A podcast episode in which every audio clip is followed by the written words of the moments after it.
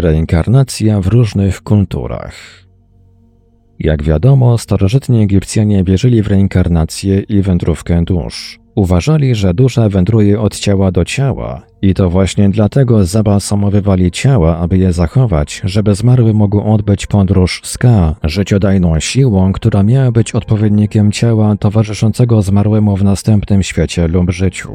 Siła K mogła być uważana za równoważnik duszy. Dzięki temu wiemy, że pojęcie reinkarnacji było znane już w starożytnym Egipcie. Niektórzy twierdzą jednak, że było ono znane już w czasach wcześniejszych. Sądzi się, że wiara była najpotrzebniejszą rzeczą u ludów pierwotnych. Z pewnością już na długo przed powstaniem cywilizacji egipskiej ludzie wierzyli w wędrówkę duszy. Jeśli nie rozumieli w wystarczającym stopniu pojęcia duszy, wówczas mogli ją nazywać po prostu życiem. Osoba lub obiekt, który się poruszał, posiadał życie, a ten, który się nie poruszał, był pozbawiony życia. Jest to podejście analogiczne w stosunku do wiary w animizm. Stopniowo pojęcie duszy było rozwijane wraz ze zrozumieniem, że dusza opuszcza ciało w momencie śmierci i wchodzi do ciała w chwili narodzin. Wkrótce później uwierzono, że dusza pozostawiająca truchło będzie poszukiwała innego ciała, aby do niego wejść, lub wejdzie do ciała zwierzęcia, będącego niższą formą życia. Wierzono też, że dusza opuszcza ciało podczas snu. W tym znaczeniu duszę wyobrażano sobie jako parę, która wchodzi i wychodzi przez nos i usta. Później powstało pojęcie, że dusza znajdująca się w niemowlęciu pochodzi od zmarłej, spokrewnionej z nim osoby. Pomagało to wyjaśnić podobieństwo fizyczne poszczególnych członków rodziny. Terminy reinkarnacja i transformacja duszy, szczególnie w odniesieniu do ludzi, są synonimiczne. Reinkarnacja to nie jest jednak dokładnie to samo, co metamorfoza czy zmartwychwstanie. Metamorfoza jest z grubsza przemianą jednej formy życia w inną. Zmartwychwstanie w znaczeniu chrześcijańskim oznacza powstanie ciała po śmierci. Prawdopodobnie pierwsza definicja wędrówki duszy pochodzi od Pitagorasa, greckiego matematyka i filozofa, który nauczał, że dusza jest nieśmiertelna i jedynie mieszka w ciele, dlatego przeżywa cielesną śmierć. Jego dalsze nauczania utrzymywały, że dusza przechodzi serię odrodzeń. Między śmiercią a odrodzeniem dusza odpoczywa i oczyszcza się w Hadesie. Gdy dusza wypełni tę serię odrodzeń, wówczas jest oczyszczona do tego stopnia, że może zaprzestać wędrówki lub zakończyć cykl reinkarnacji. Platon, inny grecki filozof, podzielał poglądy Pitagorasa, że dusza jest wieczna, istnieje nieprzerwanie i jest całkowicie duchowa. W poglądzie Platona na wędrówkę duszy od ciała do ciała istnieje jednak pewna różnica. Platon twierdził, że dusza ma tendencję do stania się nieczystą w czasie życia cielesnego, choć wiedza na ten temat była wówczas niewielka. Jeśli w czasie wędrówki dusza czyni dobro i eliminuje cielesne nieczystości, w końcu powraca do swojego stanu z okresu preegzystencji. Jeśli jednak dusza nieustannie grzeszy w życiu cielesnym, po śmierci trafia do Tartaru, miejsca wiecznego potępienia. Jak się okazuje, Tartar jest pierwowzorem zarówno pojęcia karmy, jak i chrześcijańskiego pojęcia piekła. Około I wieku przed naszą erą zarówno greccy, jak i rzymscy pisarze byli zaskoczeni faktem, że druidzi, kapłani celtyccy wierzyli w reinkarnację. Grecki pisarz Diordus Siculus, żyjący w okresie od około 60 do 30 roku przed naszą erą, zauważył, że druidzi uważali, że dusze ludzkie są nieśmiertelne i że po określonej liczbie lat przeżywają drugie życie, przechodząc do innego ciała. Grecki filozof Strabon, żyjący między około 63 a 21 rokiem przed naszą erą, zaobserwował, że drudzi uważali, że dusze ludzkie i wszechświat są niezniszczalne, choć czasem ogień i woda mogą nad nimi zwyciężyć. Także Juliusz Cezar pisał o Celtach, cytat. Oni głoszą jedną z ich najważniejszych zasad, że ludzie nie umierają, lecz przechodzą po śmierci z jednego ciała do drugiego. Sądzą też, że ludzie dzięki tej zasadzie są w dużym stopniu pobudzeni do dzielności i lekceważą lęk przed śmiercią. W innym miejscu Cezar skarżył się, że drudzi byli kłopotliwymi ludźmi. Trudno było ich zniszczyć. Mało jest dowodów na wiarę w reinkarnację wśród wczesnych Hebrajczyków, później jednak reinkarnacja stała się elementem nauczania kabały. Nauczanie pojawiło się u wczesnych chrześcijan, szczególnie u gnostyków, manichejczyków i katarów. Później jednak zostało odrzucone przez ortodoksyjnych teologów chrześcijańskich. Zapytana przez studentów, dlaczego chrześcijaństwo nie uczy reinkarnacji, wiedźma Patricia Crowther odpowiedziała, cytat, Wcześniej chrześcijanie nauczali o tym, to jest o reinkarnacji i mogą tego dowodzić słowa świętego Grzegorza, biskupa Nyssy. Koniecznym jest, aby dusza została uzdrowiona i oczyszczona, i jeżeli nie dokona tego w tym życiu na ziemi, to musi tego dokonać w przyszłym ziemskim życiu. Później, w roku 533 naszej ery, reinkarnacja została uznana przez Radę Konstantynopola za herezję.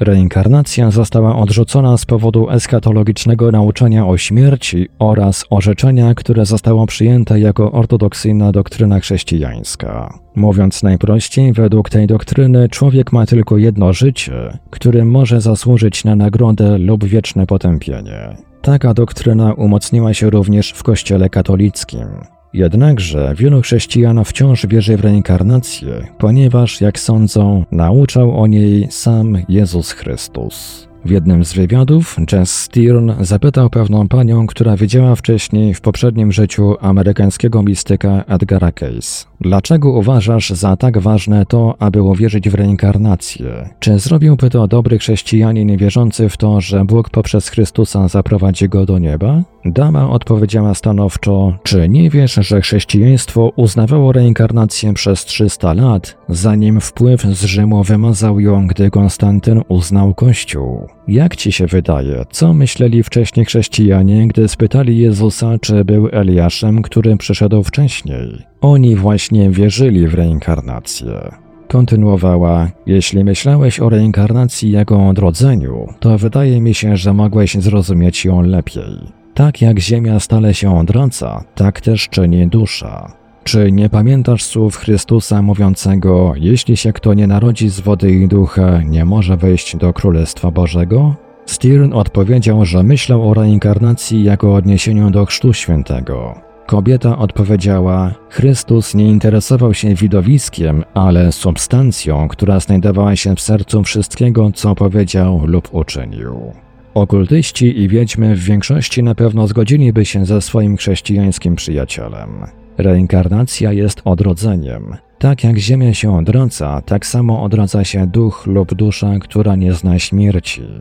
W odczuciu wielu osób reinkarnacji uczy sama natura człowieka. Niektórzy rzekliby, że uczy tego bogini matka. Wiosną drzewa rodzą nowe liście, kwitną kwiaty, z ziemi wychodzą nowe rośliny. Latem zbierane jest nabierające kolorów zboże. Zimą ziemia odpoczywa. Wszystko tkwi w zimowym śnie. Oto cykl życia Ziemi, symbolizujący według niektórych duszę. Chrześcijanka rozmawiająca ze Stirnem odniosła się do reinkarnacji jako doświadczenia związanego z uczeniem się. Każda kolejna reinkarnacja nie tylko bardziej oczyszcza duszę, ale to oczyszczenie przychodzi przy okazji uczenia się coraz więcej w życiu cielesnym, jeśli dusza jest do tego skłonna. Istnieje tutaj rozdźwięk poglądów dotyczących reinkarnacji. Religie wschodu, takie jak buddyzm i hinduizm, uczą, że każda reinkarnacja może być inna. To znaczy, człowiek może powrócić jako niższa forma życia, na przykład jako drzewo, roślina lub zwierzę. Pewne sekty gnostyckie również podtrzymywały tę wiarę. Racjonalne uzasadnienie tej wiary mówi, że dusza musi doświadczyć wszystkich aspektów życia. Zachodnia myśl o reinkarnacji utrzymuje, że człowiek może się reinkarnować jedynie na wyższe poziomy życia duchowego, nigdy zaś nie powraca do niższej formy życia. W filozofii Zachodu utrzymuje się, że jeśli człowiek nie przejdzie na wyższy poziom rozwoju duchowego, musi powtarzać cykl, aż mu się to uda. Większość okultystów i wiedźm wierzy, że reinkarnacja jest cyklem składającym się z narodzin, śmierci i odrodzenia. Jeśli chodzi o dokładny cykliczny proces, to poglądy w tej kwestii są rozbieżne. Niektórzy przyjmują poglądy podobne do tych wyznawanych przez buddystów, jakoby indywidualna osobowość rozpadała się w momencie śmierci wraz ze swoimi cechami formującymi w puli z innymi cechami, które przychodzą w nowych reinkarnacjach. Inni wierzą, że reinkarnacje następują tylko w obrębie jednego plemienia, rasy lub rodziny. Jest to odynizm.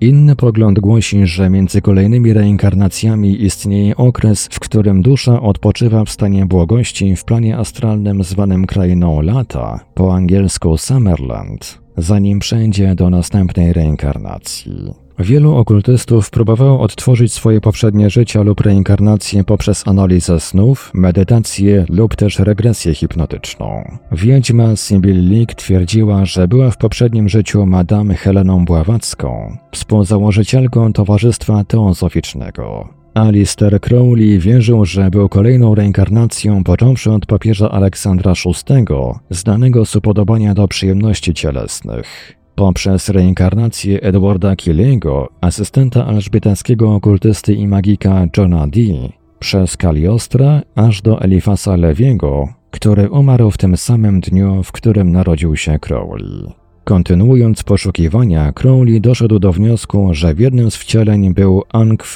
Konsul, egipskim duchownym z czasów 26 dynastii.